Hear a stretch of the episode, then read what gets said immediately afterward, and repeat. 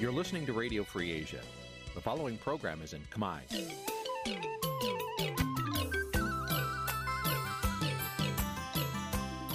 Nǐ chi càm bi tiệp xáy vệt chiu a zì sê ray នេះជាកម្មវិធីផ្សាយរបស់ Vithu Azisari ជាភាសាខ្មែរ វត្តឈូអាស៊ីសេរីសូមស្វាគមន៍លោកអ្នកនាងទាំងអស់ពីរដ្ឋធានី Washington នៃសហរដ្ឋអាមេរិក ពីរដ្ឋធានី Washington នាងខ្ញុំសុជីវីសូមជម្រាបសួរ លោកអ្នកនាងកញ្ញាអ្នកស្ដាប់វិទ្យុអាស៊ីសេរីទាំងអស់ជាទីមេត្រីយើងខ្ញុំសូមជូនកម្មវិធីផ្សាយសម្រាប់ព្រឹកថ្ងៃអង្គារ6កើតខែបោះឆ្នាំថោះបัญចស័កពុរសករាជ2567ចាប់ដែលត្រូវនៅថ្ងៃទី16ខែមករាគ្រិស្តសករាជ2024ជាដំបូងនេះសូមអញ្ជើញលោកអ្នកនាង ស្ដាប់ព័ត៌មានប្រចាំថ្ងៃ ដែលមានមេត្តាដូចតទៅ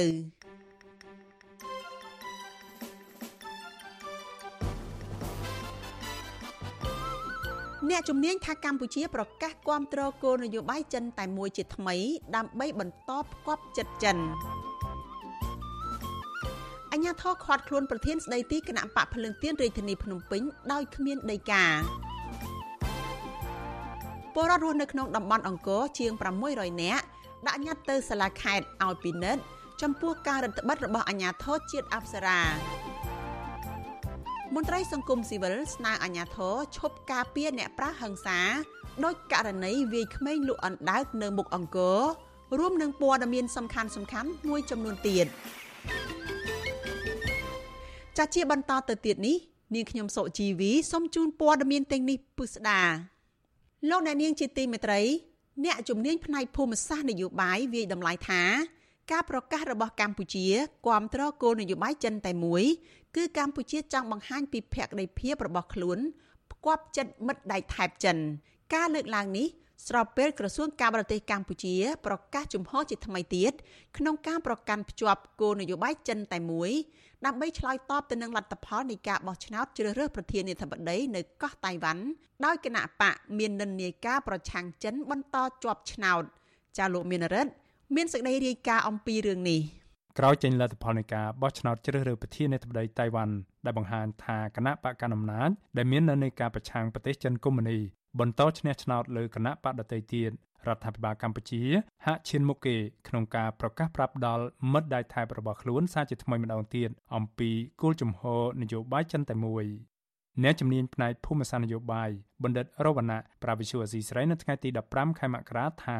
ការប្រកាសជំហររបស់កម្ពុជាគ្រប់គ្រងគោលនយោបាយចិនតែមួយគឺជាសារនយោបាយដ៏សំខាន់មួយរបស់រដ្ឋាភិបាលលោកហ៊ុនម៉ាណែតក្នុងការបង្ហាញពីភាពស្មោះស្ម័គ្រទៅនឹងប្រទេសចិនឥតងាករេដើម្បីបន្តរក្សាទំនាក់ទំនងល្អនិងទទួលបានផលប្រយោជន៍ទាំងផ្នែកសេដ្ឋកិច្ចការទូតនិងនយោបាយពីភាគីចិនលោករវណ្ណៈយល់ឃើញថាកម្ពុជាអាចឆ្លៀតឱកាសប្រកាសផ្គាប់ចិត្តចិនដើម្បីជាថ្នូវមកវិញស្នើឲ្យចិនគ្រប់គ្រងគណៈបកប្រជាជន បន្តដឹកនាំកម្ពុជាតទៅទៀតអញ្ចឹងជាយុទ្ធសាស្ត្រប្រទេសកម្ពុជារបស់គណៈបកកណ្ដាលត្រូវប្រកាន់ជំហរគោលនយោបាយចិនតែមួយនេះដើម្បីបង្ហាញពីសមានចិត្តដើម្បីទទួលបាននូវការគ្រប់គ្រងនិងការសាទរពីភាគីចិននៅក្នុងករណីដែលប្រទេសកម្ពុជាត្រូវបានគេចាប់ប្រកាន់ថាលំអៀងទៅរកចិនធ្វើឲ្យដំណើរការប្រជាធិបតេយ្យធាក់ថយក្រោយអញ្ចឹងបង្អែកដល់រឹងមាំខាងសេដ្ឋកិច្ចការទូតនយោបាយបាយរបស់ចិនកន្លងមកដែលគ្រប់គ្រងគណៈបកកណ្ដាលជាង2ទសវត្សរ៍នេះជាឱកាសសម្រាប់គណៈបកកម្មានៅតែអាចឈរជើងរងមាំនៅក្នុងសៃវៀននយោបាយកម្ពុជាដែលមានចិនជានំបង្អែកដ៏រឹងមាំ អ្នកនាំពាក្យក្រសួងការបរទេសកម្ពុជាកាលពីថ្ងៃទី14ខែមករាបានចេញសេចក្តីថ្លែងការណ៍ដែលបញ្ជាក់ជំហរជាថ្មីម្ដងទៀតថាកម្ពុជាប្រកាន់ខ្ជាប់យ៉ាងម៉ឺងម៉ាត់ចំពោះគោលនយោបាយចិនតែមួយនិងទទួលស្គាល់ថាសាធារណរដ្ឋប្រជាមានិតចិនឬហៅកាត់ថា PRC ជាអាញាធរស្របច្បាប់តែមួយគត់តំណាងឲ្យប្រទេសចិនទាំងមូល ការប្រកាសរបស់កម្ពុជាបែបនេះឆ្លើយតបទៅនឹងការរៀបចំការបោះឆ្នោតជ្រើសរើសប្រធានាធិបតីនិងសមាជិកសភាតៃវ៉ាន់ដោយលទ្ធផលនៃការបោះឆ្នោតកាលពីថ្ងៃទី13ខែមករាបង្ហាញថាបេក្ខភាពប្រធានាធិបតីតៃវ៉ាន់មកពីគណៈបកកណ្ដាលអំណាចគឺគណៈបកវឌ្ឍនភាពប្រជាធិបតេយ្យហៅកាត់ថា DPP បានឈ្នះឆ្នោតគណៈបកពីរផ្សេងទៀតគឺគណៈបកគូមីងតាំងនិងគណៈបកប្រជាជនតៃវ៉ាន់ដែលជាគណៈបកប្រឆាំងមាននិន្នាការគ្រប់គ្រងប្រទេសកុម្មុយនីសចិន លទ្ធផលនៃការបោះឆ្នោតនេះបង្ហាញថាពលរដ្ឋតៃវ៉ាន់នៅតែជ្រើសរើសយកសេរីភាព និងលទ្ធិប្រជាធិបតេយ្យជាជាងរណបជាមួយនឹងប្រទេសចិនកុម្មុយនី ក្រោយចេញលទ្ធផលបោះឆ្នោតនៅតៃវ៉ាន់រដ្ឋមន្ត្រីការបរទេសអាមេរិកលោក Anthony Blinken បានថ្លែងសារទរតាមរយៈបណ្ដាញសង្គម X ចំពោះបេក្ខភាពប្រធានាធិបតីតៃវ៉ាន់មកពីគណៈបកកណ្ដាលអំណាចទទួលបានជ័យជំនះនៅក្នុងការជ្រើសរើសជាប្រធានាធិបតីនិងសារទរចំពោះប្រជាពលរដ្ឋតៃវ៉ាន់ដែលចូលរួមបោះឆ្នោតដោយសេរីយុត្តិធម៌និងបង្ហាញពីភាពរឹងមាំនៃប្រព័ន្ធប្រជាធិបតេយ្យរបស់ពួកគេ ជាការឆ្លើយតបក្រសួងការបរទេសចិនថ្កោលទោសសហរដ្ឋអាមេរិកដែលថ្លែងសារអបអរសាទរបេក្ខភាពប្រធានាធិបតីមកពីគណៈបកកណ្ដាលអំណាចក្នុងការទទួលបានជ័យជំនះនិងចាត់ទុកការថ្លែងនោះគឺជាការបំពានធ្ងន់ធ្ងរទៅនឹងគោលការណ៍ចិនតែមួយរបស់ទីក្រុងប៉េកាំងនិងសេចក្តីថ្លែងការណ៍រួមរវាងចិននិងអាមេរិកកាលពីពេលកន្លងទៅ ជុំវិញរឿងនេះអ្នកតាមដានភូមិសាស្ត្រនយោបាយតំបន់អាស៊ីអាគ្នេយ៍និងប៉ាស៊ីហ្វិកលោកសេងវ៉ាន់លីមានប្រសាសន៍ថាការថ្លែងសារនយោបាយរបស់កម្ពុជា ម្ដងហើយម្ដងទៀតរឿងប្រកាន់ខ្ជាប់នូវគោលនយោបាយចិនតែមួយបែបនេះគឺកម្ពុជាចង់បង្ហាញពីភក្តីភាពទៅកាន់ប្រទេសចិនកុម្មុយនីនិងចង់បញ្ជាក់ប្រាប់កោះតៃវ៉ាន់ថាកម្ពុជានឹងមិនទទួលស្គាល់ពីឯករាជ្យរបស់តៃវ៉ាន់នោះឡើយ លោកបានថែមថាចិនទំនងជាខកចិត្តនិងព្រួយបារម្ភចំពោះការឈ្នះឆ្នោតរបស់គណៈបកកណ្ដាលអំណាចតៃវ៉ាន់ដែលអាចបង្កឲ្យមានភាពតានតឹងបន្ថែមទៀតនៅក្នុងការជំរុញឲ្យតៃវ៉ាន់ប្រកាសឯករាជ្យចិនក៏ធ្វើការសន្និដ្ឋានថាគណៈបកគមមិនតាំងរួមជាមួយនឹងបេក្ខជនឯករាជ្យពីគណៈបក TPP និងបង្កើតរដ្ឋាភិបាលចម្រុះហើយលទ្ធផលអាចនឹងឈ្នះគណៈបកគ្រប់គ្រងអំណាចបច្ចុប្បន្នគឺគណៈបក DPP តែផ្ទុយទៅវិញលទ្ធផលនេះវាឆ្លុះបញ្ចាំងឲ្យឃើញថាជនជាតិតៃវ៉ាន់ភាគច្រើនចង់ឃើញរដ្ឋាភិបាលរបស់តៃវ៉ាន់ជាយាមទាមទារឯករាជ្យភាពពីចិនហើយក៏ដូចជាជំរុញរបៀបវរៈគឺយ៉ាងណាកាត់បន្ថយអធិបតេយ្យរបស់ចិននៅក្នុងនយោបាយរបស់តៃវ៉ាន់ជាចំណុចទាំងនោះបានយើងឃើញមានការឆ្លើយតបពីអាជ្ញាធរចិនទាំងសារគម្រាមប្រទេសផ្សេងទៀតដែលមានគំនិតក្នុងការលូកលាន់កិច្ចការប្រទេសក្នុងរបស់ចិនកម្ពុជាក៏ជាប្រទេសមួយចេញសារលឿនជាងគេការគ្រប់គ្រងការចិននេះមួយវិសុវស៊ីស្រីមិនអាចតាក់ទងแนะនាំពាក្យក្រសួងការបរទេសកម្ពុជាលោកអានសុខឿនដើម្បីសាកសួរបន្ថែមជុំវិញរឿងនេះបាននៅឡើយទេនៅថ្ងៃទី15ខែមករា ប្រទេសចិននិងកោះតៃវ៉ាន់បានបំបែកចេញពីគ្នាក្រោមការគ្រប់គ្រងដោយរដ្ឋាភិបាលរៀងៗខ្លួនចាប់តាំងពីឆ្នាំ1949មកក្រោយរដ្ឋាភិបាលចិនកុម្មុយនីបានឈ្នះសង្គ្រាមស៊ីវិលនៅចិនដីគោកខណៈកោះតៃវ៉ាន់ត្រូវបានគ្រប់គ្រងដោយរដ្ឋាភិបាលដែលមានទំនោរទៅរកលទ្ធិប្រជាធិបតេយ្យខ្ញុំបានមេរិត Visual C ស្រីពីរដ្ឋធានី Washington លោកនាងកំពុងស្ដាប់វិទ្យុអាស៊ីសេរីផ្សាយចេញពីរដ្ឋធានី Washington សហរដ្ឋអាមេរិក។ ចាំមន្ត្រីគណៈបកប្រឆាំងនិងមន្ត្រីសង្គមស៊ីវិលចង់ឃើញកម្ពុជារៀបចំការបោះឆ្នោតដោយសេរីនិងយុត្តិធម៌ដោយកោះតៃវ៉ាន់និងប្រទេសមួយចំនួនទៀតដែលគ្មានវិវាទនៅក្រៅការបោះឆ្នោតចាស់ចំណែកមន្ត្រីកោជបអះអាងថា ស្ថាប័ននេះបានអនុវត្តការងារបោះឆ្នោតតាមច្បាប់ដោយស្មារភាព និងគ្មានលំអៀងចាលោកច័ន្ទដារ៉ូ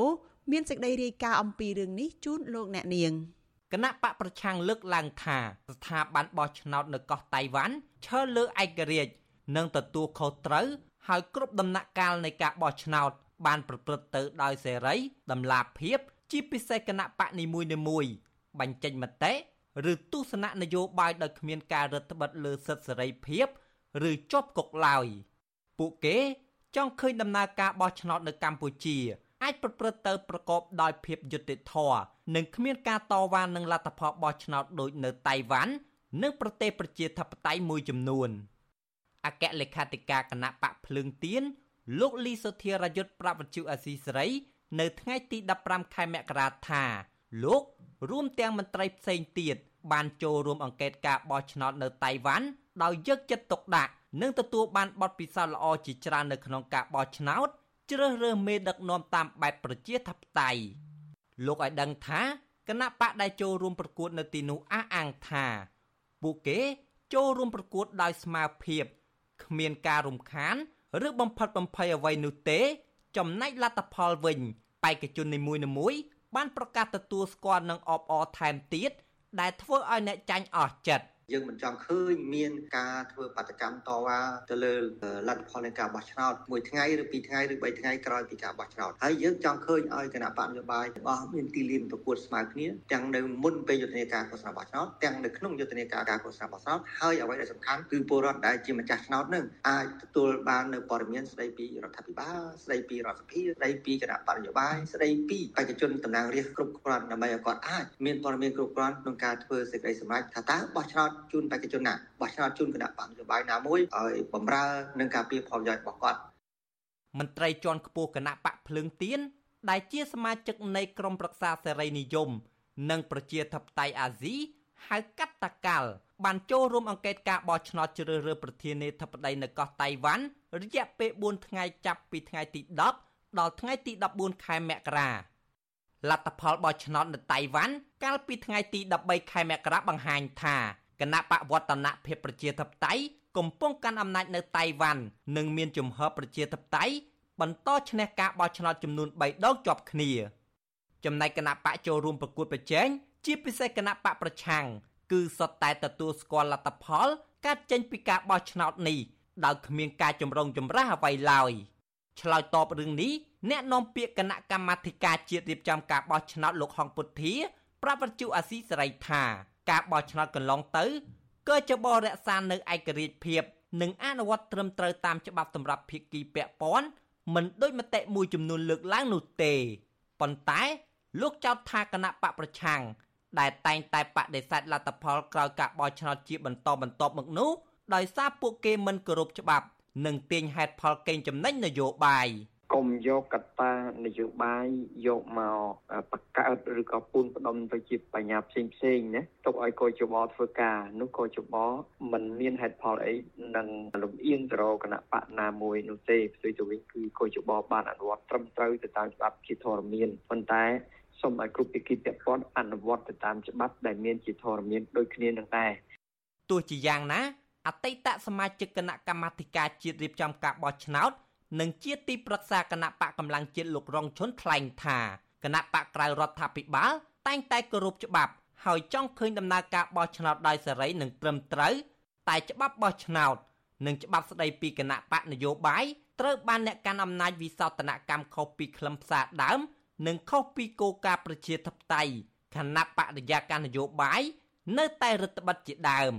ម្យ៉ាងទៀតលោកថាមូលហេតុដែលកើជបមិនឯករាជ្យ និងលំអៀងបានធ្វើឲ្យម្ចាស់ឆ្នោតនិងគណៈបកប្រឆាំងមិនមានទំនុកចិត្ត នឹងចេញតវ៉ាលទ្ធផលឆ្នោតរាល់អាណត្តិកន្លងមកបើសិនថាយើងរៀបចំការបោះឆ្នោតឲ្យបានត្រឹមត្រូវល្អទៅខ្ញុំគិតថាភាគីទាំងសងខាងនឹងទទួលយកបានទាំងអស់គ្នាពេលហ្នឹងវាអត់មានអ្វីដែលកើតឡើងទេហើយយើងបើកលំហសេរីភាពទៅឲ្យមានការប្រកួតប្រជែងគ្នាស្មើមុខស្មើមាត់ទៅទុំថាបិទមួយខាងបើកមួយខាងអាហ្នឹងដែលវាកាន់តែមានចំណោទបញ្ហាធ្វើឲ្យអត់មានទំនុកចិត្តពីម្ចាស់ឆ្នោតទេបាទ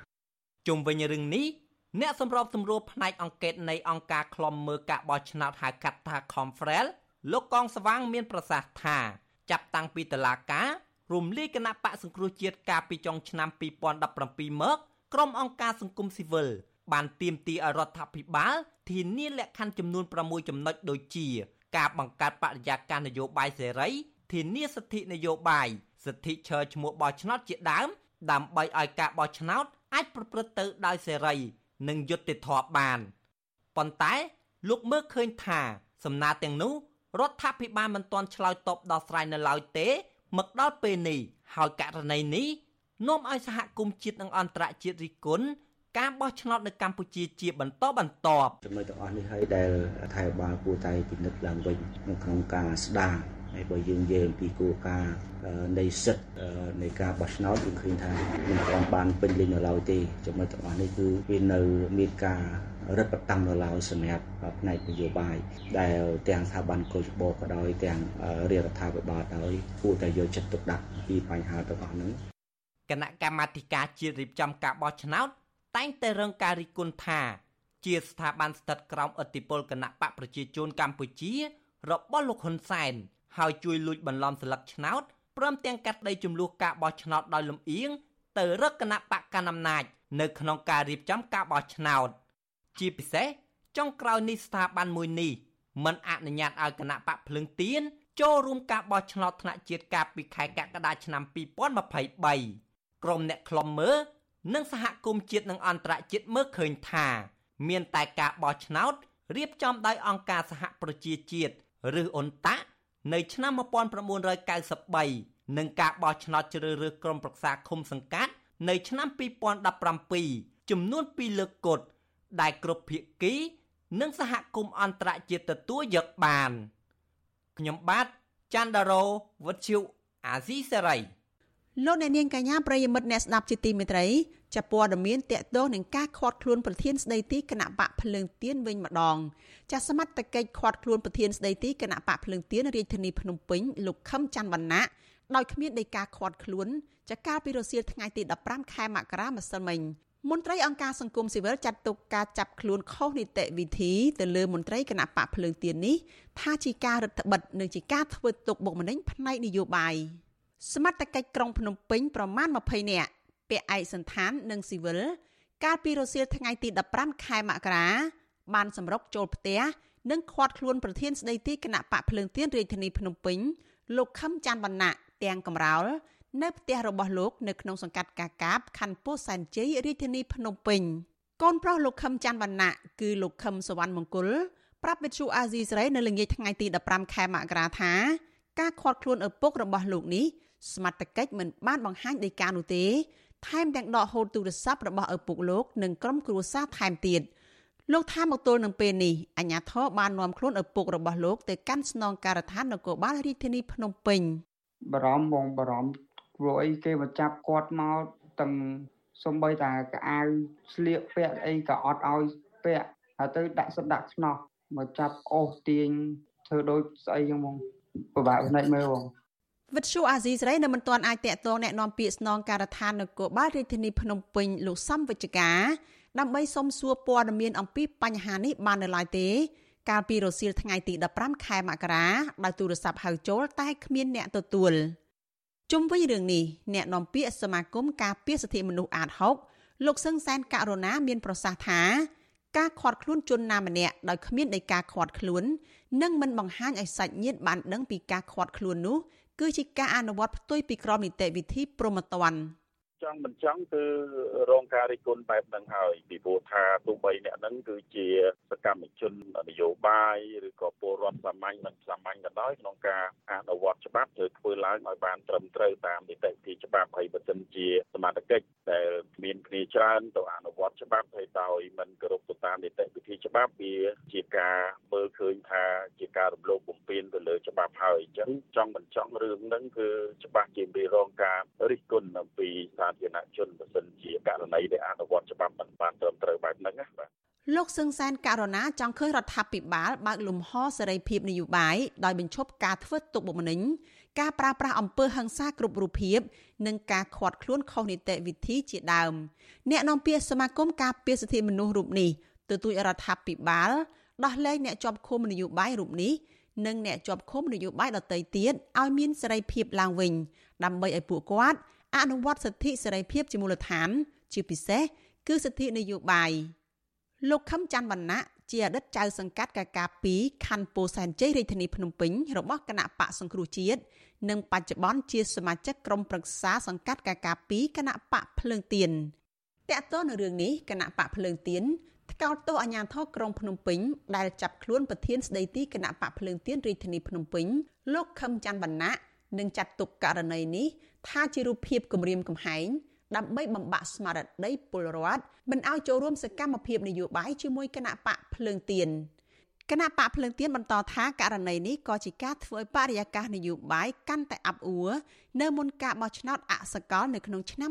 2024នេះគឺការបោះឆ្នោតព្រឹទ្ធសភានីតិកាលទី5និងការបោះឆ្នោតក្រុមប្រឹក្សារាជធានីខេត្តក្រុងស្រុកខណ្ឌអាណត្តិទី4គណៈបកភ្លើងទៀនអំពាវនាវដល់អាជ្ញាធរ ឲ្យដោះលែងលោកខឹមច័ន្ទវណ្ណៈឲ្យមានសេរីភាពមកវិញជាបន្ទាន់ដោយឥតលក្ខខណ្ឌនិងបញ្ឈប់ការចាប់ខ្លួន ការឃុំខ្លួន ការគំរាមកំហែងនិងការធ្វើទុកបុកម្នេញគ្រប់រូបភាពលើឋានៈដឹកនាំសមាជិកនិងសកម្មជនគណៈបកភ្លើងទៀនតទៅទៀតដើម្បីធានាបរិយាកាសល្អនៅមុនការបោះឆ្នោតទាំងពីរនេះ។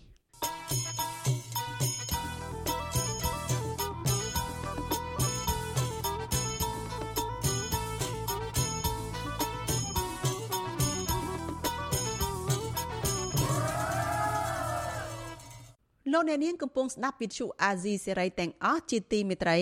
ចាការប្រកាសស្វែងរកបុគ្គលិកតាមអនឡាញដើម្បីឲ្យបម្រើការងារនៅតាមក្រុមហ៊ុនឆបោកតាមប្រព័ន្ធអ៊ីនធឺណិតឬក៏ឆបោកតាមអនឡាញកំពុងពេញនិយមនិងបន្តកើតឡើងយ៉ាងផលផុសនៅតាមបណ្ដាញសង្គមទោះយ៉ាងណាប្រទេសនៅក្នុងតំបន់មួយចំនួន បានណែនាំដល់ពលរដ្ឋពួកគេឲ្យមានការប្រុងប្រយ័ត្នខ្ពស់មុននឹងសម្រេចមកធ្វើការនៅកម្ពុជា ចាលោកអ្នកនាងនឹងបានស្ដាប់សេចក្តីរាយការណ៍នេះពិស្ដានៅក្នុងការផ្សាយរបស់យើងនៅពេលបន្តិចទៀតនេះ។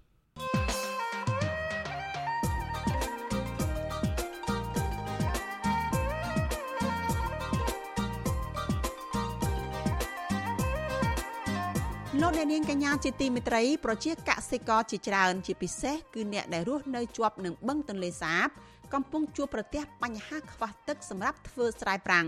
ពួកគាត់បានដង្ហោយរកអន្តរាគមពីអាជ្ញាធរពាក់ព័ន្ធដើម្បីជួយដោះស្រាយវិបត្តិខ្វះទឹកនេះប៉ុន្តែខាងអាជ្ញាធរឆ្លើយតបទៅវិញដោយអំពាវនាវឲ្យកសិករផ្អាកធ្វើស្រែប្រាំងដើម្បីរក្សាទុកទឹកប្រើប្រាស់សម្រាប់តម្រូវការផ្សេង។តើហេតុអ្វីបានជាកសិករជួបវិបត្តិខ្វះទឹកស្រោចស្រពបែបនេះខណៈកម្ពុជាសម្បូរប្រភពទឹកសាបពីពេញផ្ទៃប្រទេសតើអ្វីខ្លះជាដំណោះស្រាយសមស្រប និងមានប្រសិទ្ធភាពដែលអាចជួយដល់កសិករនៅក្នុងគ្រាលំបាកនៅចំពោះមុខនិងដំណោះស្រាយរយៈពេលវែងនេះជាប្រធានបទនៃវេទិកាអ្នកស្ដាប់វិទ្យុអាស៊ីសេរីនៅយប់ថ្ងៃអង្គារនេះចាកម្មវិធីនេះសម្របសម្រួលដោយលោកយ៉ងច័ន្ទដារា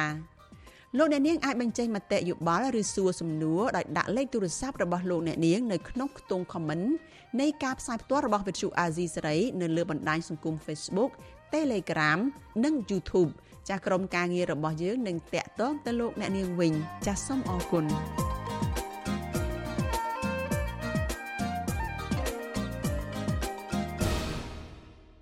លោកអ្នកនាងកញ្ញាជាទីមេត្រីព័ត៌មានពីតំបន់អង្គរឲ្យដឹងថា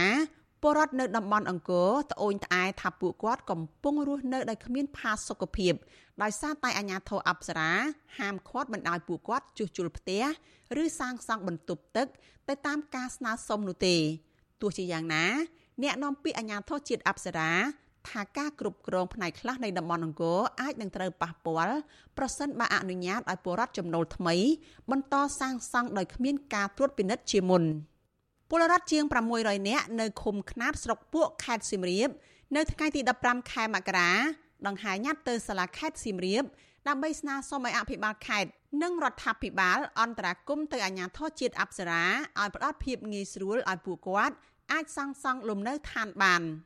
ពលរដ្ឋនៅឃុំខ្នាតលោកសំអល់លើកឡើងថា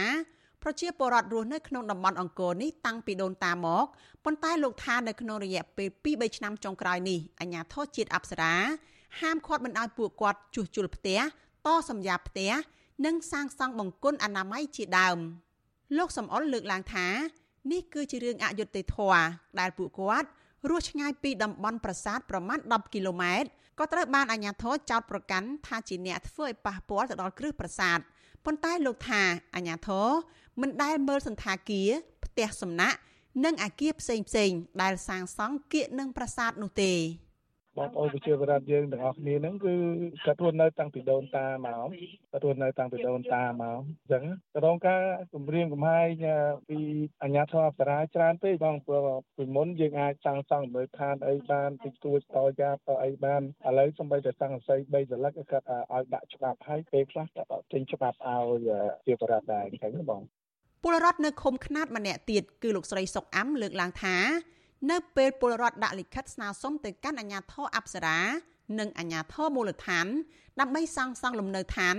ត្រូវប្រើរយៈពេលរាប់ឆ្នាំ ដែលនាំឲ្យប៉ះពាល់ដល់ការរស់នៅរបស់ប្រជាពលរដ្ឋលោកស្រីសុកអាំរំពឹងថាអភិបាលខេត្តសៀមរាបដែលទទួលបានញត្តិនឹងស្ដាប់ការលំបាករបស់ប្រជាពលរដ្ឋនិងអាចផ្ដល់ដំណោះស្រាយដល់ពួកគាត់ឆាប់ឆាប់ អត់ទាន់មានទំនុកចិត្តចឹងណាបងក៏ប៉ុន្តែអឺអ្វីក៏ដោយគឺយើងនៅនៅតែចាំមើលដោយសារវាស្ថិតនៅក្រោមផ្លូវច្បាប់ចឹងទៅការរយៈពេលចឹងណាបងចឹងនៅតែសង្ឃឹមថាខាងអញ្ញាធិពាក់ព័ន្ធនឹងគាត់អាចនឹងមានដំណោះស្រាយជូនប្រជាពលរដ្ឋចឹងជុំវិញករណីនេះអ្នកនាំពាក្យអាជ្ញាធរជាតិអប្សរាលោកលងកុសលលើកឡើងថា នៅក្នុងតំបន់អង្គរមានប្រជាពលរដ្ឋដែលរស់នៅពីដូនតា និងមានពលរដ្ឋចំណូលថ្មីក្រោយឆ្នាំ2004លោកលងកុសលបន្តថាពលរដ្ឋនៅក្នុងតំបន់នេះត្រូវស្នើសុំមកកាន់អាជ្ញាធរជាមុនមុនពេលសាងសង់គឺដើម្បីកុំឲ្យប៉ះពាល់ទៅដល់គ្រប់ផ្នែកនៃតំបន់អង្គរដែលក្នុងនោះរួមមានគ្រឹះប្រាសាទបារាយណ៍និងទួលបុរាណជាដើម។ ចឹងហើយបានជានៅក្នុងការដាក់នៅក្នុងការចុះបញ្ជីតំបន់អង្គរជាបេតិកភណ្ឌពិភពលោកมันសំដៅទៅលើតែការចុះប្រាង្គប្រាសាទនោះទេក៏ប៉ុន្តែរចនាសម្ព័ន្ធបុរាណឬក៏អ្វីដែលជាសំណល់ដែលបន្សល់ទុកពីការរស់នៅរបស់បុព្វបុរសខ្មែរយើងបាទដែលបានកសាងទុកនោះអាហ្នឹងគឺគេត្រូវបានចុះបញ្ជីទាំងអស់គ្នាអញ្ចឹងទាំងផ្លូវទឹកទាំងទួលបុរាណទាំងទីកន្លែងរចនាសម្ព័ន្ធបុរាណផ្លូវបុរាណអីអីហ្នឹងក៏បញ្ចូលនៅក្នុងជាសម្បត្តិបេតិកភណ្ឌពិភពលោកដែរបាទទោះជាយ៉ាងណា អ្នកគ្រប់គ្រងការិយាល័យអង្គការលីកាដូប្រចាំនៅខេត្តបន្ទាយមានជ័យលោកអិនគង្គចិត្តដែលបានចុះអង្កេតករណីនេះលើកឡើងថាអញ្ញាធមូលដ្ឋានគួរតែផ្ដល់សិទ្ធិដល់ពលរដ្ឋនៅក្នុងតំបន់នោះឲ្យមានសិទ្ធិគ្រប់គ្រាន់ក្នុងការសាងសង់ផ្ទះបែបលក្ខណៈគ្រួសារហើយអាជ្ញាធរគួរតែធ្វើការងារឲ្យបានឆាប់រហ័សនៅពេលដែលពលរដ្ឋស្នើសុំ អ្វីដែលជាក្តីកង្វល់ដែលគាត់រស់នៅក្នុងភាពភ័យខ្លាចរស់នៅក្នុងភាពមិនមែនជាម្ចាស់កម្មសិទ្ធិអញ្ចឹងគាត់ហាក់ដូចជាមានក្តីកង្វល់ការរស់នៅដោយអត់មានសុវត្ថិភាពអញ្ចឹងអាជ្ញាធរអប្សរាចេះតែមករួរឿងគាត់ជាប្រចាំអញ្ចឹងនឹងហើយជាក្តីកង្វល់ជាក្តីឈឺចាប់របស់គាត់ដែលធ្វើឲ្យគាត់មិនអាចទ្រាំបានគាត់ត្រូវតែប្រមូលគ្នាសម្ដែងមតិតកតទៅនឹងបញ្ហានេះអង្គការ UNESCO កាលពីថ្ងៃទី15ខែវិច្ឆិកាអំពាវនាវរដ្ឋាភិបាលកម្ពុជា ធានាគ្រប់សិទ្ធិពលរដ្ឋរស់នៅក្នុងតំបន់អង្គរដោយត្រូវអនុវត្តទៅតាមសំណើរបស់អង្គការលើកលែងទោសអន្តរជាតិ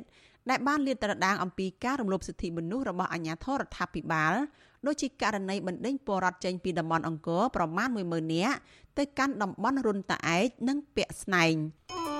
។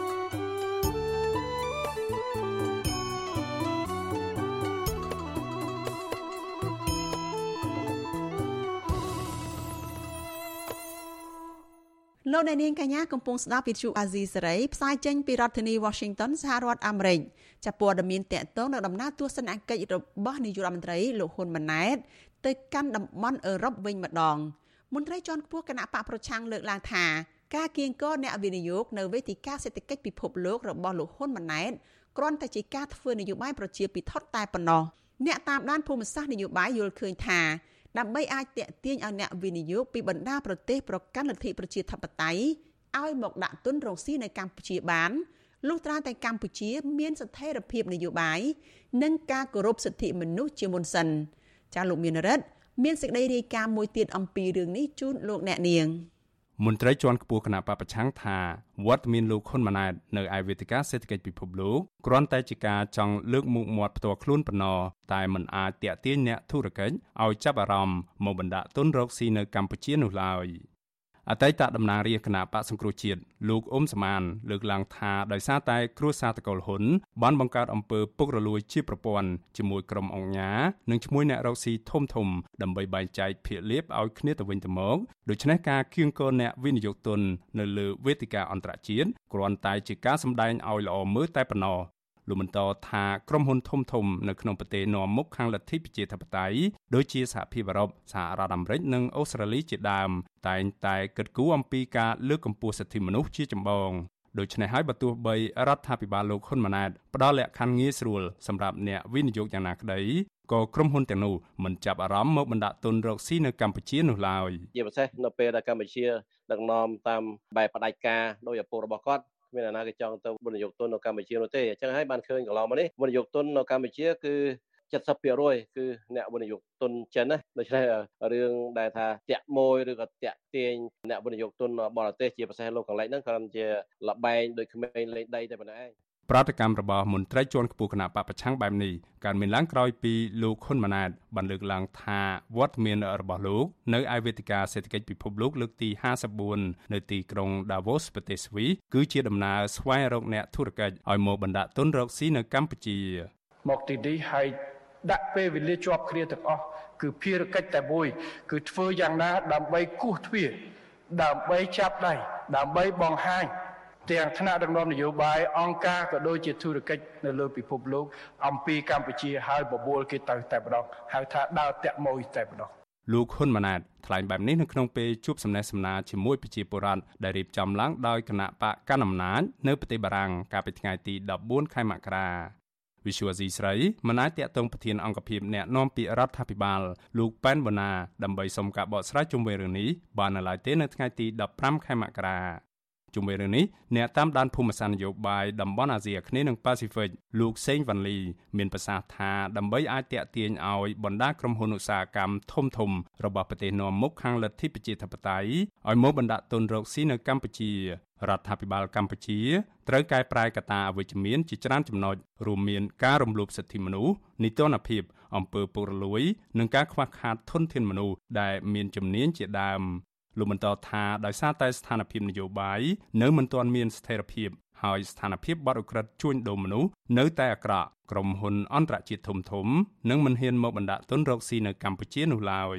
យើងមើលជាទូទៅគឺប្រទេសជិតខាងនៅប្រទេសមហាអំណាចដូចជាចិនហ្នឹងគាត់មានក្រុមហ៊ុនច្រើនដែលនៅក្នុងស្រុករបស់យើងដែលគាត់មិនបញ្ចេញឈ្មោះហើយអាហ្នឹងវាអាចជាកត្តាមួយបង្កើតបានជា monopoly នៅក្នុងវិស័យធុរកិច្ចនិងការវិនិយោគអានេះវាប៉ះពាល់ដល់ទំនុកចិត្តរបស់រដ្ឋ ក្នុងការតាក់ទាញអ្នកវិនិយោគពីប្រទេសធំដូចជាប្រទេសអឺរ៉ុបអញ្ចឹងខ្ញុំគិតថាគួរតែសិក្សា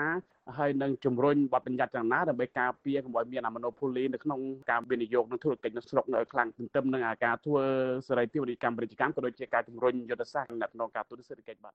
អ្នកវិភាគនយោបាយលើកឡើងថាដរាបណាលោកហ៊ុនម៉ាណែតនៅតែបន្តដឹកនាំប្រទេសតាមបែបផ្ដាច់ការធ្វើទុកបុកម្នេញទៅលើសកម្មជនសិទ្ធិមនុស្សសកម្មជនបរិស្ថាននិងអ្នកនយោបាយដែលមាននានាការផ្ទុយពីរដ្ឋាភិបាលនោះនោះក្រុមហ៊ុនអន្តរជាតិធំធំនឹងមិនចាប់អារម្មណ៍មកបណ្ដាក់ទុនរកស៊ីនៅកម្ពុជាឡើយខ្ញុំបានមេរិត Visual C ស្រី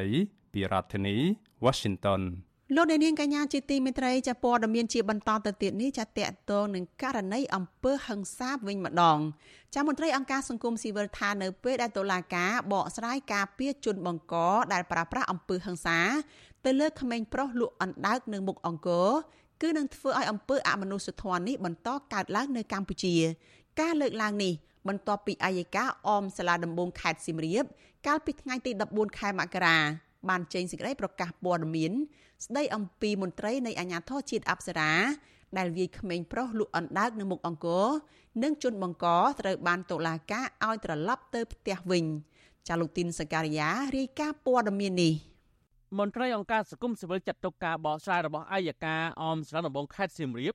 ថាជាការការពារជនបង្កបទល្មើស និងផ្ទុយពីក្រមនីតិវិធីប្រំតានអ្នកសម្របសម្រួលអង្គការលីកាដូខេត្តឧត្តរមានជ័យលោកអិនកុងចិត្តប្រាប់វិទ្យុអាស៊ីសេរីនៅថ្ងៃទី15មករានេះថាលោកមិនអាចទទួលយកសំអាងហេតុរបស់អាយកាអមសាលាដំបងខេត្តសៀមរាបចំពោះករណីមន្ត្រីអាជ្ញាធរជាតិអប្សរាប្រើអំពើហិង្សាលើក្មេងប្រុសលក់អណ្ដាតនេះបានទេលោកបន្តថាការសម្រេចឲ្យជនបង្កហិង្សាបាននៅក្រៅឃុំដោយសារសំអាងលើលុយនិងសុំទោស ដើម្បីបញ្ចប់រឿងគឺជាគំរូអាក្រក់ដល់អ្នកដទៃនិងជាទង្វើផ្ទុយពីក្រមនីតិវិធីប្រមត្តនយើងគិតថាมันបានមានចំណាត់ការឃុំខ្លួននេះ គឺមន្ត្រីអប្សរាដតីទៀតឬក៏ជនបង្កដតីទៀតអាចនឹងប្រព្រឹត្តអំពើហ្នឹងហើយគាត់អាងមានលុយមានកាក់ទៅគាត់នឹងបងសង ទៅជនរងគ្រោះឬដើមបណ្ដឹងរដ្ឋវេនី ជាការរួចខ្លួន នឹងគឺយើងគិតឃើញថាការសម្រេចបែបនេះมันបានទប់ស្កាត់អំពើហិង្សានោះទេ ការលើកឡើងនេះបន្ទាប់ពីអាយកាសាលាដំបងខេត្តសៀមរាបកាលពីថ្ងៃទី14មករាបានចេញសេចក្តីប្រកាសព័ត៌មានអំពីករណីមន្ត្រីអាជ្ញាធរជាតិអប្សរាប្រើប្រាស់អំពើហិង្សាលើក្មេងប្រុសលក់កូនអណ្ដើកនៅមុខតែសិនទឹកអង្គរក្រោយពីបានផលិតចម្លើយជនរងគ្រោះសាកសីជនបង្កនិងភ័ស្តុតាងនានា អាយកាអមច្រានដំបងខេត្តសៀមរាបឲ្យដឹងថា នៅថ្ងៃកើតហេតុកាលពីថ្ងៃទី11មករាមន្ត្រីអាជ្ញាធរជាតិអប្សរា2នាក់គឺលោកហៃរដ្ឋានិងលោកសុកសឿនបានចុះហាមឃាត់ក្មេងប្រុសណុលសំណាងលក់អណ្ដើកនៅក្នុងតែកសិនទឹកអង្គរដោយជាការហាមឃាត់របស់អាជ្ញាធរជាតិអប្សរាក៏ប៉ុន្តែក្មេងប្រុសលក់អណ្ដើករូបនោះមិនគ្រប់តាមការណែនាំហើយអះអាងថាបានជេរប្រមាថលើមន្ត្រីអាជ្ញាធរជាតិទាំងពីរនាក់នោះ ជាហេតុធ្វើឲ្យមន្ត្រីអាជ្ញាធរជាតិអប្សរាទាំងពីរនាក់គឺលោកសុកសឿននិងលោកហៃរដ្ឋាបានប្រើប្រាស់អំពើហិង្សាដោយទះកំភ្លៀងនិងទាត់ចូលរងគ្រោះអាយកាអមច្រានដំបងខេត្តសៀមរាបអះអាងទៀតថានៅដំណាក់កាលមន្ត្រីនគរបាលយុទ្ធធរជនសង្ស័យទាំងពីរនាក់បានទទួលស្គាល់កំហុសដែលបានប្រព្រឹត្តអំពើហិង្សាវាយដំទៅលើជនរងគ្រោះហើយបានសំទោសអាណាព្យាបាលជនរងគ្រោះនិងសងសំណងសមរម្យមួយវិញទៀត ជនសង្ស័យមានមេធាវីធានាថាកូនក្តីរបស់ខ្លួននឹងចូលខ្លួននៅក្នុងដំណាក់កាលនីតិវិធីរបស់តុលាការទន្ទឹមនឹងនេះជនសង្ស័យមានគ្រួសារនៅក្នុងបន្ទប់ត្រូវមើលថែតុលាការបានចាត់ទុកករណីហិង្សាទៅលើក្មេងប្រុសលក់អណ្ដាតនៅតែកសិនទឹកអង្គរនេះជាបទល្មើសហិង្សាមិនមានលក្ខណៈធ្ងន់ធ្ងរហើយតុលាការបានសម្រេចឲ្យជនសង្ស័យទាំងពីរនាក់វិលទៅផ្ទះវិញដោយឡែកក្មេងប្រុសនុលសំណាងដែលជាក្មេងកំព្រាម្ដាយ តាំងពីអាយុ10ឆ្នាំមកនោះបច្ចុប្បន្នរស់នៅជាមួយពូមីងក្រីក្រ នៅក្នុងខេត្តសៀមរាបក្មេងប្រុសរូបនេះអះអាងប្រាប់អ្នកសារព័ត៌មាននៅក្នុងស្រុកថារូបគេបានឈប់រៀនតាំងពីថ្នាក់ទី4ហើយដើរលក់កូនអណ្ដើកនៅមុខអង្គរដោយយកលុយឲ្យម្ដាយមីងកុមារារូបនេះបន្ថែមថាគាត់លក់អណ្ដើកម្ដងម្កាលហើយអណ្ដើកនោះគឺទិញមកពីផ្សារនិងអ្នកដែលស្គាល់គ្នា ហើយលក់បានចំណេញលុយខ្លះដោះស្រាយជីវភាពគ្រួសារតែប៉ុណ្ណោះមន្ត្រីសម្រាប់សម្រួលអង្គការលីកាដូខេត្តបន្ទាយមានជ័យលោកអិនកងចិត្តមានប្រសាសន៍ថាក្នុងករណីដែលមានការបំពានលើបំរាមរបស់អាជ្ញាធរជាតិអប្សរាគឺអាជ្ញាធរគួរតែធ្វើតាមនីតិវិធីរដ្ឋបាលនិងមិនគួរប្រើប្រាស់អំពើហិង្សាលើកុមារនោះទេមន្ត្រីអាជ្ញាធរអប្សរាគួរតែហៅអ្នកដែលគាត់មានកំហុសហ្នឹងមកបញ្យលណែនាំណែនាំជាលើកទី1 ករណីគាត់មិនរៀងចាលហ្នឹងឲ្យគាត់ធ្វើកិច្ចសន្យាទៅបាទថតរូបគាត់ទុកទៅហើយធ្វើកិច្ចសន្យាមួយទៅ ដើម្បីកុំឲ្យគាត់ប្រព្រឹត្តខុសឆ្គងជាលើកទី2ហើយក្នុងករណីមិនរៀងចាលលើកទី3គឺអាចនឹងពិន័យគាត់ទៅបាទព្រោះអីកំហុសវាស្រាលស្រាលទេមន្ត្រីអង្គការសិទ្ធិមនុស្សនិងពលរដ្ឋចង់ឃើញរដ្ឋាភិបាលជំរុញទៅតុលាការឲ្យអនុវត្តច្បាប់ដោយស្មើភាពគ្នាដើម្បីស្វែងរកយុត្តិធម៌ដល់ជនរងគ្រោះនិងបញ្ចប់អំពើនេតិនភាព ឬភាពគ្មានទោសពៃនៅកម្ពុជា ជាពិសេសគឺករណីមន្ត្រីអាជ្ញាធរជាតិអប្សរាទាំងពីររូបបានប្រើអំពើហិង្សាវាយដំទៅលើក្មេងប្រុសរូបនេះដែលជាកូនកំព្រាក្រីក្ររស់នៅជាមួយម្ដាយមីងនេះជាដើមខ្ញុំម៉ាទីនសាការីយ៉ាអស៊ីសេរីពីរដ្ឋធានីវ៉ាស៊ីនតោនលោកអ្នកនាងកញ្ញាជាទីមេត្រីលោកអ្នកកំពុងស្ដាប់វិទ្យុអាស៊ីសេរី ចរដ្ឋាភិបាលអនុញ្ញាតឲ្យក្រុមហ៊ុន Global Green Cambodia របស់កូនប្រុសអង្គញាត្រីភិបគឺលោកត្រីដាលុចរករកនិងធ្វើអាជីវកម្មរ៉ែដែកនៅទូទាំងប្រទេសខណៈការជីកកកាយយករ៉ែដែករបស់ក្រុមហ៊ុននេះបានធ្វើឲ្យប៉ះពាល់ទៅដល់ដីស្រែចម្ការរបស់ប្រជាពលរដ្ឋជាច្រើនកន្លែងចាលោកនៅវណ្ណរិនរាយការណ៍ព័ត៌មាននេះយោងតាមឯកសាររបស់ទីស្តីការគណៈរដ្ឋមន្ត្រីចុះថ្ងៃទី20ខែកក្កដាឆ្នាំ2023 ដែលចុះហត្ថលេខាដោយរដ្ឋលេខាធិការនៃទីស្តីការគណៈរដ្ឋមន្ត្រី លោកហ៊ីងថូរ៉ាស៊ីបានអនុញ្ញាតនិងគាំទ្រឲ្យក្រុមហ៊ុន Global Green របស់លោកត្រីដាលុចរុករកនឹងធ្វើអាជីវកម្មរ៉ែដែកទូទាំងប្រទេសក្រោមហេតុផលថាដើម្បីជួយរដ្ឋាភិបាល នៅក្នុងការអភិវឌ្ឍសេដ្ឋកិច្ចជាតិក្រោយ COVID-19 ហើយបច្ចុប្បន្នក្រុមហ៊ុនមួយនេះកំពុងតែធ្វើអាជីវកម្មរ៉ែដែកនៅក្នុងខេត្តព្រះវិហារនិងដឹកយកទៅលក់នៅក្រៅប្រទេស រដ្ឋាភិបាលក៏បានបញ្ជាឲ្យក្រុមហ៊ុនចំនួន2គឺក្រុមហ៊ុនព្រះវិហារ Smart Railway និង Port Project Company និងក្រុមហ៊ុនហួយងសេង International Mining កំពុងរករករ៉ែដែកនៅលើទំហំ173គីឡូម៉ែត្រការ៉េនៅក្នុងខេត្តព្រះវិហារត្រូវប្រគល់ទៅឲ្យក្រុមហ៊ុន Global Green Energy Development ធ្វើជំនួសវិញមេការក្រុមហ៊ុន Global Green សូមមិនបញ្ចេញឈ្មោះប្រាប់វិទ្យុអាស៊ីសេរីនៅថ្ងៃទី15ខែមករាថា បច្ចុប្បន្នក្រុមហ៊ុននេះកំពុងធ្វើអាជីវកម្មរ៉ែដែកលក់ឲ្យបរទេសដោយក្នុងមួយតោនតម្លៃ85ដុល្លារដែលមានជាតិដែកនៅក្នុងថ្ម62%លោកបន្តថាក្រុមហ៊ុនត្រូវបំលែងថ្ម ដែលមានជាតិដែកទៅជាបំណែកតូចតូចជាមុនសិនទើបដឹកទៅលក់នៅក្រៅប្រទេសតាមច្រកក្អមសំណព្រំដែនកម្ពុជាវៀតណាមពលរដ្ឋរស់នៅក្នុងខេត្តព្រះវិហារចំនួន3ស្រុកគឺស្រុករវៀងស្រុកជ័យសែន និងស្រុកឆែបកំពុងមានវិវាទដីធ្លីជាមួយក្រុមហ៊ុននេះដោយបានរំលោភនិងបំពានឈូសឆាយដីស្រែចម្ការ និងដីព្រៃរាប់ពាន់ហិកតាខណៈពលរដ្ឋនៅក្នុងតំបន់នោះស្នើឲ្យមានការដោះស្រាយនិងសំណងសមរម្យក៏ប៉ុន្តែក្រុមហ៊ុនមួយនេះនៅមិនទាន់បានធ្វើតាមសំណើរបស់ប្រជាពលរដ្ឋនៅឡើយនោះទេលើសពីនេះទៀតអាជ្ញាធរពាក់ព័ន្ធបានដើរតួជាអ្នកបញ្ចុះបញ្ចូលឲ្យពលរដ្ឋលក់ដីស្រែចម្ការ និងជាអ្នកកាងការពារឲ្យក្រុមហ៊ុន Global Green ថែមទៀតផងជុំវិញរឿងនេះវិទ្យុអាស៊ីសេរីមិនអាចតាក់ទងប្រធានអង្គភិបអ្នកណែនាំពាក្យរដ្ឋាភិបាល លោកប៉ែនបូណា និងអ្នកណែនាំពាក្យក្រសួងរាយនឹងធម្មពល លោកអឹងឌីប៉ូឡាដើម្បីសូមការអធិប្បាយបាននៅឡើយទេនៅថ្ងៃទី15ខែមករាដោយទូរស័ព្ទចូល តែគ្មានអ្នកទទួលតាក់ទិននឹងបញ្ហានេះ អ្នកសម្របសម្រួលគម្រោងនៃសមាគមបណ្ដាញយុវជនកម្ពុជា លោកអូតឡាទីនយល់ឃើញថារដ្ឋាភិបាលគួរតែសិក្សាស្រាវជ្រាវអំពីផលប៉ះពាល់ឲ្យបានត្រឹមត្រូវនិងមានតម្លាភាពព្រមទាំងស្វែងរកដំណោះស្រាយនិងសំណងឲ្យបានសមរម្យទៅដល់ប្រជាពលរដ្ឋរស់នៅក្នុងតំបន់នោះដើម្បីជៀសវាងកុំឲ្យមានការរំលោភយកដីធ្លីទាំងបំពេញនិងបណ្ដេញប្រជាពលរដ្ឋចេញពីលំនៅឋានទាំងបង្ខំលោកបន្ថែមថាអាញាធរពពាន់ ត្រូវតែគិតពីផលប្រយោជន៍របស់ប្រជាពលរដ្ឋជាធំដោយសារតែប្រជាពលរដ្ឋទាំងអស់នោះបានបោះឆ្នោតផ្ដល់សេចក្តីទុកចិត្តឲ្យទៅរដ្ឋាភិបាល ការពារផលប្រយោជន៍របស់ពួកគេថាភិបាលគួរតែគិតគូរនៅក្នុងការធ្វើការអភិវឌ្ឍឬក៏ធ្វើការផ្ដល់សម្បទានរ៉ែឬក៏ផ្ដល់អាជ្ញាប័ណ្ណឲ្យក្រុមហ៊ុនមួយធ្វើការរុករករ៉ែហើយធ្វើយ៉ាងណាគឺរកដំណោះស្រាយផ្ដល់ សំណងដល់ប្រជាពលរដ្ឋឲ្យរួចរាល់ហើយឲ្យវាមានភាពយុត្តិធម៌ឲ្យមានតម្លាភាពហើយបានចាប់ផ្ដើមធ្វើការអភិវឌ្ឍអានឹងយើងយើងអាចទទួលយកបានទាំងអស់គ្នាក្រុមហ៊ុន Global Green Energy Development កំពុងធ្វើអាជីវកម្មរ៉ែចំនួន3កន្លែងផ្សេងគ្នា នៅក្នុងស្រុករវៀងនិងស្រុកជ័យសែននៃខេត្តព្រះវិហារ និងបានដឹកជញ្ជូនរ៉ែទាំងអស់នោះទៅលក់នៅក្រៅប្រទេសតាមច្រកអន្តរជាតិក្អមសំណរនៃខេត្តកណ្ដាលដោយដឹកជញ្ជូនពីខេត្តព្រះវិហារមកដាក់សាឡង់នៅក្នុងស្រុកកំពង់លែងខេត្តកំពង់ឆ្នាំងអុកញ៉ាត្រីដាលុចមិនត្រឹមតែជាអ្នកគ្រប់គ្រងក្រុមហ៊ុន Global Green Energy Development មួយនោះទេ តែលោកក៏ជាអគ្គនាយករងនៃក្រុមហ៊ុនទ្រីភិបគ្រប់ផងដែរលោកត្រីដាលុច ត្រូវបានអតីតនាយករដ្ឋមន្ត្រីហ៊ុនសែនទូថ្វាយទៅព្រះមហាក្សត្រផ្ដល់គោរពមងារជាអុកញ៉ានៅថ្ងៃទី19ខែមីនាឆ្នាំ2013ក្រៅពីទទួលបានគោរពមងារជាអុកញ៉ាហើយលោកត្រីដលុចក៏ត្រូវបានតែងតាំងជាទីប្រឹក្សាផ្ទាល់អតីតប្រធានសភាលោកហេងសំរិន និងជាអនុប្រធានក្រុមការងារថ្នាក់ជាតិរបស់គណៈបកប្រជាជនកម្ពុជាចុះជួយឃុំត្បែងស្រុកកណ្ដាលស្ទឹងខេត្តកណ្ដាល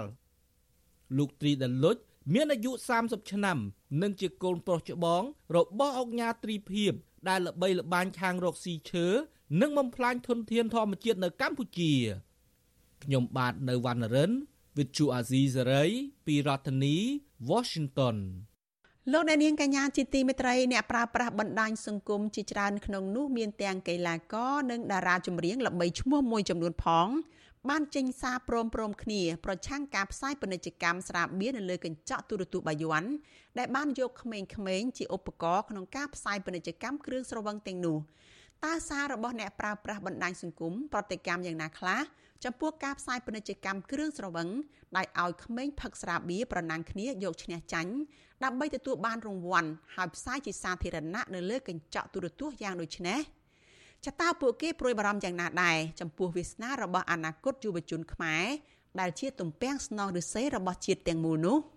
ពីរដ្ឋធានី Washington លោកសេកបណ្ឌិតសូមដកស្រង់នៅទស្សនៈមតិឬ comment មួយចំនួនជុំវិញបញ្ហានេះមកជម្រាបជូនលោកអ្នកនាងដូចតទៅអ្នកប្រើប្រាស់បណ្ដាញសង្គមជាច្រើនព្រួយបារម្ភពីអនាគតយុវជនខ្មែរដែលជាទំពាំងស្នូលរស័យរបស់ជាតិ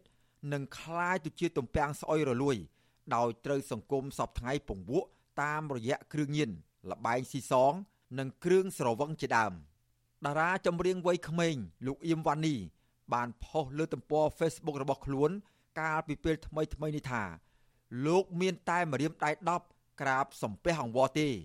សូមបញ្ឈប់ភ្លាមទៅ ចំពោះការផ្សាយលក់គ្រឿងស្រវឹងដោយយកក្មេងមកលោកឡំក្នុងរឿងនេះ លោកអៀមវ៉ានីក៏ស្នើសុំដល់អ្នកគ្រប់គ្រងធំធំ សូមមេត្តាដល់ក្មេងៗផង គ្នាមិនដឹងអីទេ បើយើងពង្វក់ក្មេង នោះក្មេងប្រកាសជាកិច្ចបំផុត ពីសង្គមតែលតោលគ្មានគោលដៅនោះទេខ្ញុំសូមមិនគាំទ្រ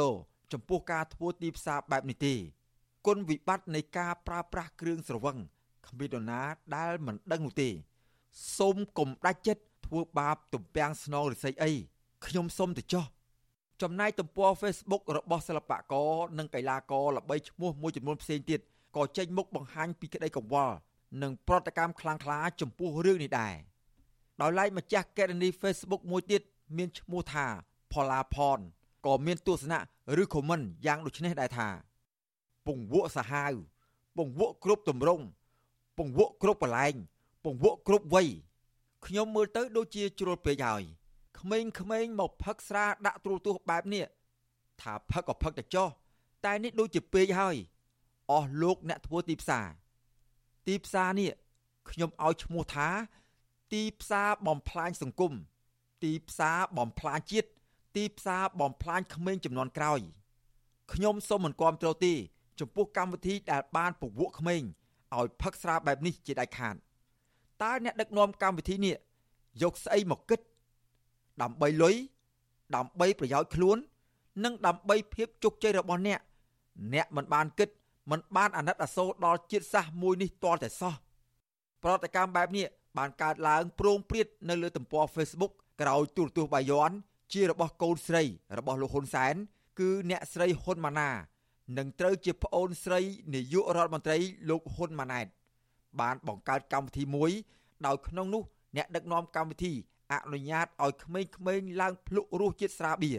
និងផឹកប្រណាំងគ្នាដើម្បីយករង្វាន់លើសង្វៀនប្រដាល់ក្នុងកម្មវិធី live ផ្ទាល់ជាសាធារណៈតាមកញ្ចក់ទូរទស្សន៍បាយ័នកាលពីពេលថ្មីៗនេះ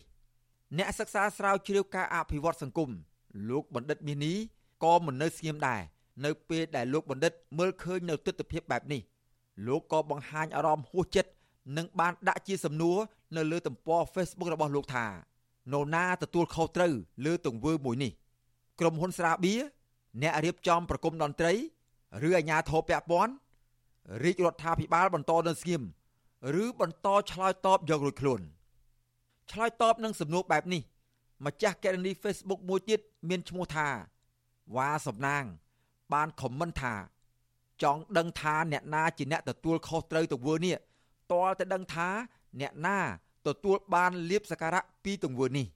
ទំនងជាឆ្លើយតបនឹងសំណួរដដែលនេះម្ចាស់កេរនី Facebook មួយទៀតដែលដាក់ឈ្មោះថាថាវីលួបានបញ្ចេញទស្សនៈដែរថា មនុស្សនឹងបាត់បង់សារជាតិជាមនុស្សដោយសារការលះបង់សិលធម៌គុណធម៌យុត្តិធម៌ដើម្បីកសាងភាពអច្ឆរិយៈคล้ายៗលើគំនរឆ្អឹងនិងសមុទ្រទឹកភ្នែកនៃមនុស្សជាតិអ្នកទទួលខុសត្រូវគឺអាជ្ញាធរពាក់ព័ន្ធ និងរដ្ឋាភិបាលតកតងនឹងកង្វល់របស់ប្រជាពលរដ្ឋជុំវិញការផ្សាយលក់គ្រឿងស្រវឹងពង្វក់យុវជននេះដែរគេមិនទាន់ឃើញរដ្ឋាភិបាល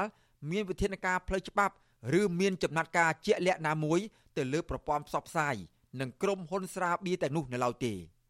ថ្មីថ្មីនេះក្រសួងព័ត៌មានបានត្រឹមតែចេញសេចក្តីណែនាំក្រៅរំលឹកជាថ្មីម្ដងទៀតដល់ម្ចាស់ប្រព័ន្ធផ្សព្វផ្សាយទាំងអស់ម្ចាស់ក្រុមហ៊ុនផលិត នាំចូលចែកចាយ និងក្រុមហ៊ុនផ្ដល់សេវាកម្មផ្សាយពាណិជ្ជកម្មគ្រឿងស្រវឹងទាំងអស់ហាមផ្សាយពាណិជ្ជកម្មគ្រឿងស្រវឹងផ្ដល់រង្វាន់ហាមយកស្ត្រី និងអនិច្ចជនក្រោមអាយុ18ឆ្នាំមកផ្សាយពាណិជ្ជកម្មជាដើមការក្រៅរំលឹកនេះក្រោយពីមានការរិះគន់យ៉ាងផុសផុសពីមហាជនទៅលើបណ្ដាញសង្គមតើតើនឹងរឿងរ៉ាវនេះម្ចាស់ទំព័រ Facebook ដែលដាក់ឈ្មោះថាគំនិតពិចារណា បានសរសេរថាការផ្សព្វផ្សាយពាណិជ្ជកម្មគ្រឿងស្រវឹងកំពុងពង្វក់យុវជនខ្មែរយើង គ្រឿងស្រវឹងគឺជាឃាតករលាក់មុខសម្រាប់ប្រជាពលរដ្ឋខ្មែរយើង មួយឆ្នាំមួយឆ្នាំអស់រាប់រយនាក់តាមរយៈគ្រោះថ្នាក់ចរាចរណ៍ការកាប់សម្លាប់គ្នាព្រោះស្រាចូលខ្លួនភ្លេចស្មារតីបាត់បង់សតិលែងដឹងខុសត្រូវនិងបាត់វិចារណញ្ញាណខ្ញុំបាទសេកបណ្ឌិតវិទ្យុអាស៊ីសេរីពីរដ្ឋធានីវ៉ាស៊ីនតោន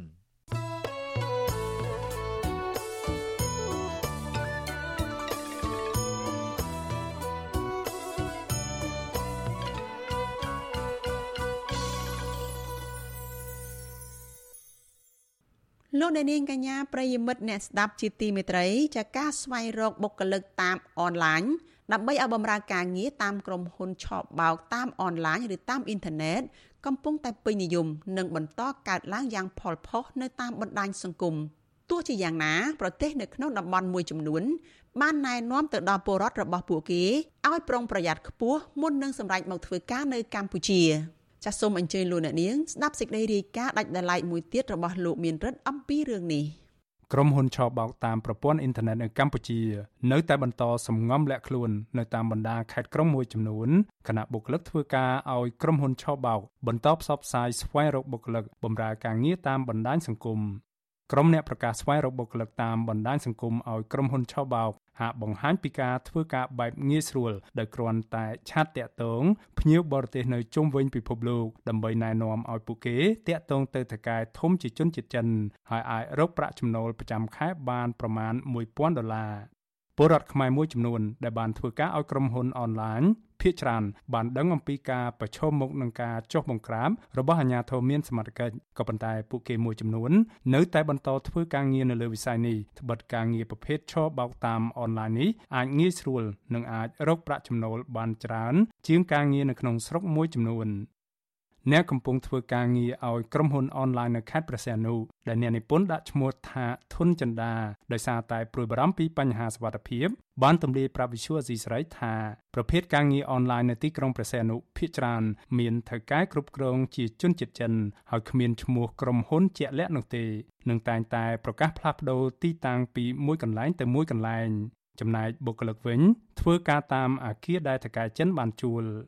បុគ្គលិកឈ្មោះធុនចិន្តារៀបរាប់ឲ្យដឹងបន្ថែមទៀតថាការងារតាមអនឡាញឬការឆាតតាក់ទងទៅកាន់ភ្ញៀវបរទេសគឺតាក់ទងអតិថិជនជុំវិញពិភពលោកហើយចំពោះការនិយាយទៅកាន់ភ្ញៀវបរទេសវិញថាការឬអ្នកគ្រប់គ្រងគឺជាអ្នករៀបចំអត្ថបទនៅក្នុងការសន្ទនាឲ្យរួចជាស្រេចបុគ្គលិករូបនោះបញ្យល់ថាការឆបោកតាមអនឡាញបែងចែកជាពីរដំណាក់កាលធំធំ ដំណាក់កាលទី1សម្រាប់ពលរដ្ឋខ្មែរភាគច្រើនថាការតម្រូវឲ្យស្វែងរកភ្ញៀវបរទេសនៅតាមបណ្ដាប្រទេសមួយចំនួន តាមចំនួន20នាក់ឬច្រើនជាងនេះដើម្បីលបួងភ្ញៀវបរទេសតាក់ទងបន្តទៅថៅកែធំដែលជាអ្នកគ្រប់គ្រងចំណែកដំណាក់កាលទី2វិញ អ្នកគ្រប់គ្រង មានតួនាទីលបួងភ្ញៀវបរទេសឲ្យដាក់លុយជាមួយក្រុមហ៊ុនបុគ្គលិករូបនោះបញ្ជាក់ថាអ្នកគ្រប់គ្រងធ្វើការនៅទីតាំងផ្សេងទៀតដែលភាគច្រើនធ្វើការនៅតាមអាគារកាស៊ីណូធំធំ បានរងនឹងការរដ្ឋបិទសេរីភាពផ្ទាល់ខ្លួនបើអ្នកឃៀននៅកាស៊ីណូបើកន្លែងខ្ញុំគេមិនហៅកាស៊ីណូគេហៅថាអាគាអញ្ចឹងអាគាគេធ្វើការអញ្ចឹងដល់អាគាគេជួលលុយនៅក្តីអញ្ចឹងណាអ្នកឃៀនអានោះបានគេហៅកាស៊ីណូបើភ្ញៀវមិនបោកវាខុសច្បាប់ដល់គ្នាអានេះខ្ញុំនៅជ័យជ័យប្រាក់ច្រើនពលីវាអត់សូវដែរញញ៉ៃទេសូវអ៊ូអដូចជានៅតោពីអញ្ចឹងវាអ៊ូអកាស៊ីណូច្រើន ការលើកឡើងរបស់បុគ្គលិកធុនចិន្តាហាក់ស៊ីសង្វាក់គ្នាទៅនឹងអតីតបុគ្គលិកដែលធ្លាប់បម្រើការងារអនឡាញនៅភ្នំបូកុម្នាក់ដែលបានប្រាប់វិសុអស៊ីស្រីថាអ្នកគ្រប់គ្រងនោះមានទួនាទីលបួងឲ្យភ្ញៀវបរទេសដែលបុគ្គលិករកបានដើម្បីនិយាយឲ្យភ្ញៀវផ្ញើគណនីធនាគារនៅក្នុងការបញ្ជាទិញទំនិញខ្យល់និងបញ្ចុះបញ្ចូលដាក់លុយសម្រាប់ការវិនិយោគបែបคล้ายៗឆាតតាក់តងដើម្បីឲ្យភ្ញៀវនិយាយពីរឿងបុ ដាក់លុយឬក៏ទិញអីវ៉ាន់បោកប្រាស់របៀបបោកបញ្ឆោតប៉ុន្តែអាហ្នឹងគាត់មានជាខ្សែរបស់គាត់ដូចជា team work របស់គាត់អីចឹងណាពីរបៀបធ្វើការបោកប្រាស់ដើម្បីឲ្យគាត់របៀបជំនាញការធ្វើជាទិញអីវ៉ាន់អីចឹងណាអីវ៉ាន់ខ្យល់អីចឹងណាអាគីក្រុមហ៊ុនឆបោកតាមអនឡាញភាគច្រើនមានសមត្ថកិច្ចយាមកាមតឹងរឹងខណៈទីតាំងនៃអាគារខ្លះថែមទាំងមានសមត្ថកិច្ចយាមកាមតាមខ្លងទ្វារចេញចូលនៃអាគារទៀតផង ក្រុមហ៊ុនឆបោកតាមអនឡាញតែងចល័តទីតាំងដូចជានៅខេត្តព្រះសីហនុខេត្តកណ្ដាលក្រុងបាវិតខេត្តស្វាយរៀងទីក្រុងប៉ោយប៉ែតនិងនៅរាជធានីភ្នំពេញជាដើមនេះបើយោងតាមអតីតបុគ្គលិកម្នាក់ដែលធ្លាប់បម្រើការនៅក្នុងមជ្ឈមណ្ឌលទីក្រុងហេងហេងនៅក្រុងបាវិនដែលបានរាយការណ៍ប្រាប់វិសុអាស៊ីសេរី ប្រភេទក្រុមហ៊ុនឆបោកតាមអនឡាញនៅកម្ពុជា កាលពីអំឡុងខែសីហាឆ្នាំ2022កន្លងមកហាក់ស្ងប់ស្ងាត់ម្ដងហើយបន្ទាប់ពីអតីតរដ្ឋមន្ត្រីមហាផ្ទៃលោកសខេងបានដាក់បទបញ្ជាតឹងរឹងផ្នែកសន្តិសុខនៅក្នុងយុទ្ធនាការប្រឆាំងនឹងអំពើជួញដូរមនុស្សនិងការឆបោកតាមអនឡាញក៏ប៉ុន្តែនារយៈពេលចុងក្រោយនេះក្រុមហ៊ុនមួយចំនួន នៅតែបន្តដំណើរការនិងប្រកាសស្វែងរកបុគ្គលិកជាបន្តបន្ទាប់ វិសុវស៊ីស្រីបានតាក់ទងអ្នកប្រកាសស្វែងរកបុគ្គលិកបម្រើការងារតាមអនឡាញមួយចំនួនដែលភាគច្រើនពួកគេនិយាយថាជាប្រភេទការងារតាក់ទងនិងឆ្លើយតបឬឆាតជាមួយភ្ញៀវ បុគ្គលិកកំពុងបម្រើការងារអនឡាញនៅខេត្តព្រះសីហនុឈ្មោះធុនចិន្តាឲ្យវិសុវអស៊ីស្រីដឹងទៀតថាថៅកែជនជាតិចិនកម្រមិនបើកប្រាក់ខែឲ្យបុគ្គលិកខ្មែរហើយក្រុមថៅកែពុំហ៊ានយកបុគ្គលិកខ្មែរបង្ខាំងធ្វើទរណកម្មនោះទេត្បិតក្រុមថៅកែទាំងនោះភ័យព្រួយខ្លាចបុគ្គលិកខ្មែរផ្សេងទៀតរាយការណ៍ប្រាប់សមត្ថកិច្ច បបុគ្គលិករូបនោះបញ្ជាក់ថាបុគ្គលិកជាជនជាតិចិនឬបុគ្គលិកបរទេសផ្សេងទៀតត្រូវបានថៅកែចាប់ឃុំឃាំងធ្វើទរណកម្មដោយសារតែពួកគេភ័យច្រានជំពាក់បំណុលថៅកែយកលុយទៅលេងល្បែងហើយត្រូវបានថៅកែបង្ខំឲ្យរកលុយតាមរយៈការស្វែងរកភ្ញៀវតាមអនឡាញឲ្យក្រុមហ៊ុនបុគ្គលិកធនចិន្តាឲ្យដឹងទៀតថានៅពេលបុគ្គលិកបរទេសមិនអាចរកលុយសងថៅកែពួកគេមួយចំនួនបានសម្រេចចិត្តធ្វើអត្តឃាតក្នុងរូបភាពផ្សេងៗ បុគ្គលិកធនចិន្តាអះអាងថាជនបរទេសដែលសម្រេចចិត្តបញ្ចប់ជីវិតដោយខ្លួនឯងតាមរយៈការលួចសម្លាប់ខ្លួនពីលើអគារ ក្នុងករណីខ្លះអាចមិនមែនជារឿងចៃដន្យនោះទេព្រោះពួកគេមិនអាចទ្រាំទ្រទៅនឹងការឈឺចាប់ដោយសារតែទទួលរងនឹងការធ្វើទរណកម្មមើលដឹងឯងចង់លួចចេញដឹងតែងាប់ប៉ុនវាតែវាចាប់បានម្ដងថាចិននឹងចង់លួចចេញអញ្ចឹងវាຕົកយកវាឃុំឃាំងយកមកខ្សែគ្នាវាអ្នកស្គាល់ហ្នឹងក៏វាធ្វើដែរហើយຕົកឃុំឃាំងគ្នាវាចិនពីរនាក់បន្ទប់បានងឹតឆ្លងឆែកទៅគាត់លើបន្ទប់គេដឹងធ្វើពីស្អីឆែកនេះឆែកអាចិនគ្នាវាពាក់តាលីអូបន្ទប់ងឹតឆ្លងឃុំទុកហ្នឹងយកបាយយកអីអីហូបហូបប៉ុន្តែយើងអត់ហ៊ាននិយាយទេតែចង់លួចហត់ចេញដាក់ឃុំឃាំងតែចិនខ្លះវាឈឺចិត្តពេកខ្លះវាលោតពីលើអាគារមកងាប់ក៏មានហ្នឹងហ្នឹងវាលក្ខណៈថាជីវិតវាអត់មានន័យខ្ចីគេក៏ច្រើននៅក៏អត់ស្រួលទៀតវាមានតែបញ្ចប់ជីវិតវាតកតងនឹងរឿងនេះដែរស្ថានទូតថៃប្រចាំកម្ពុជា កាលពីចុងខែធ្នូឆ្នាំ2023ប្រកាសថាមានជនជាតិថៃជាច្រើនអ្នកបានចាញ់បោកការបញ្ឆោតលួងលោមនៃបណ្ដាញទំនាក់ទំនងក្រុមហ៊ុនឬ call center ដែលបានបញ្ចុះបញ្ចូលជនជាតិថៃថា មានការងារអាចរកបានចំណូលខ្ពស់នៅកម្ពុជា ក៏ប៉ុន្តែនៅពេលពួកគេមកធ្វើការងារជាក់ស្ដែងមិនដូចទៅនឹងអ្វីដែលក្រុមហ៊ុនប្រកាសនោះទេស្ថានទូតថៃបានប្រមានដល់ពលរដ្ឋរបស់ខ្លួនត្រូវគិតគូរសិក្សាឲ្យបានច្បាស់លាស់មុននឹងសម្រេចចិត្តមកធ្វើការនៅកម្ពុជាកម្ពុជាស្ថិតនៅក្នុងបញ្ជីនៃការតាមដានរបស់សហរដ្ឋអាមេរិករយៈពេល2ឆ្នាំចុងក្រោយនេះក្នុងចំណោមប្រទេសដែលមានស្ថានភាពអាក្រក់នៃអំពើជួញដូរមនុស្ស ទន្ទឹមគ្នានេះអង្គការសហជីវជាតិរកឃើញថាមនុស្សប្រមាណ1សែននាក់កំពុងរងគ្រោះនៃការបង្ខំឲ្យបម្រើការងារឆបោកតាមអនឡាញនៅកម្ពុជារបាយការណ៍របស់អង្គការសហប្រជាជាតិបង្ហាញថានៅទូទាំងសកលលោកអំពើឆបោកតាមអនឡាញអាចរកចំណូលបានប្រមាណ7800លានដុល្លារអាមេរិកខណៈក្នុងតំបន់អាស៊ីអាគ្នេយ៍អំពើឆបោកតាមអនឡាញអាចរកចំណូលបានរាប់ពាន់លានដុល្លារ ពាក់ព័ន្ធនឹងបញ្ហានេះវិសុវអស៊ីស្រីមិនអាចតាក់ទងអនុប្រធានអចិន្ត្រៃយ៍នៃគណៈកម្មាធិការជាតិប្រយុទ្ធប្រឆាំងនឹងអំពើជួញដូរមនុស្សអ្នកស្រីជូប៊ុនអេងនិងស្នងការនគរបាលខេត្តព្រះសីហនុលោកសរដ្ឋាដើម្បីសាកសួរជុំវិញរឿងនេះបាននៅឡើយទេនៅថ្ងៃទី15ខែមករា ប្រធានផ្នែកប្រយុទ្ធប្រឆាំងការជួញដូរមនុស្សនិងទេសន្តប្រវេសនៃអង្គការសង្ត្រាល់លោកឌីថេហូយ៉ាមើលឃើញថាសមាជិកកម្ពុជាហាក់មិនបានខ្នះខ្នែងក្នុងការប្រតិបត្តិការស្វែងរកជនរងគ្រោះនិងបង្កើនកិច្ចសហប្រតិបត្តិការល្អជាមួយអង្គការសង្គមស៊ីវិលនិងអង្គការសហជីវជាតិដែលបានរកឃើញថាមនុស្សប្រមាណ1សែននាក់កំពុងរងគ្រោះពីការបង្ខំឲ្យធ្វើការងារឆបោកតាមអនឡាញនៅកម្ពុជានោះទេ លោកពន្យល់ថាអំពើឆបោកតាមអនឡាញគឺជាធាតុផ្សំមួយនៃទម្រង់នៃអំពើជួញដូរមនុស្សដែរ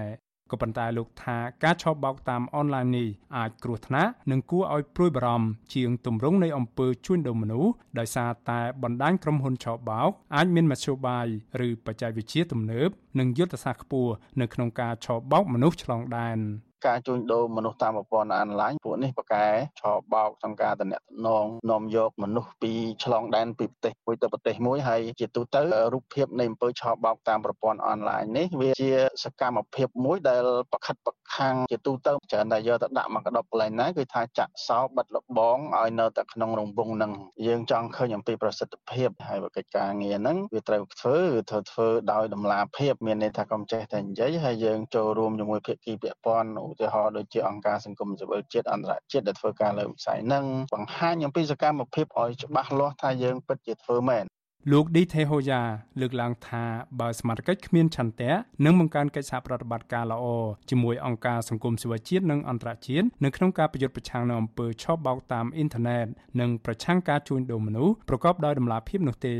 នោះប្រទេសក្នុងតំបន់និងសហគមន៍អន្តរជាតិនឹងសម្លឹងឃើញថាកម្ពុជា ជាប្រទេសគ្មានសន្តិសុខនិងសុវត្ថិភាពនោះទេ លោកប្រមានថាការនេះនឹងជះឥទ្ធិពលទៅលើវិស័យសេដ្ឋកិច្ចនិងការវិនិយោគនៅកម្ពុជាធ្ងន់ធ្ងរខ្ញុំបានមេរិត Visual C ស្រីពីរដ្ឋធានី Washington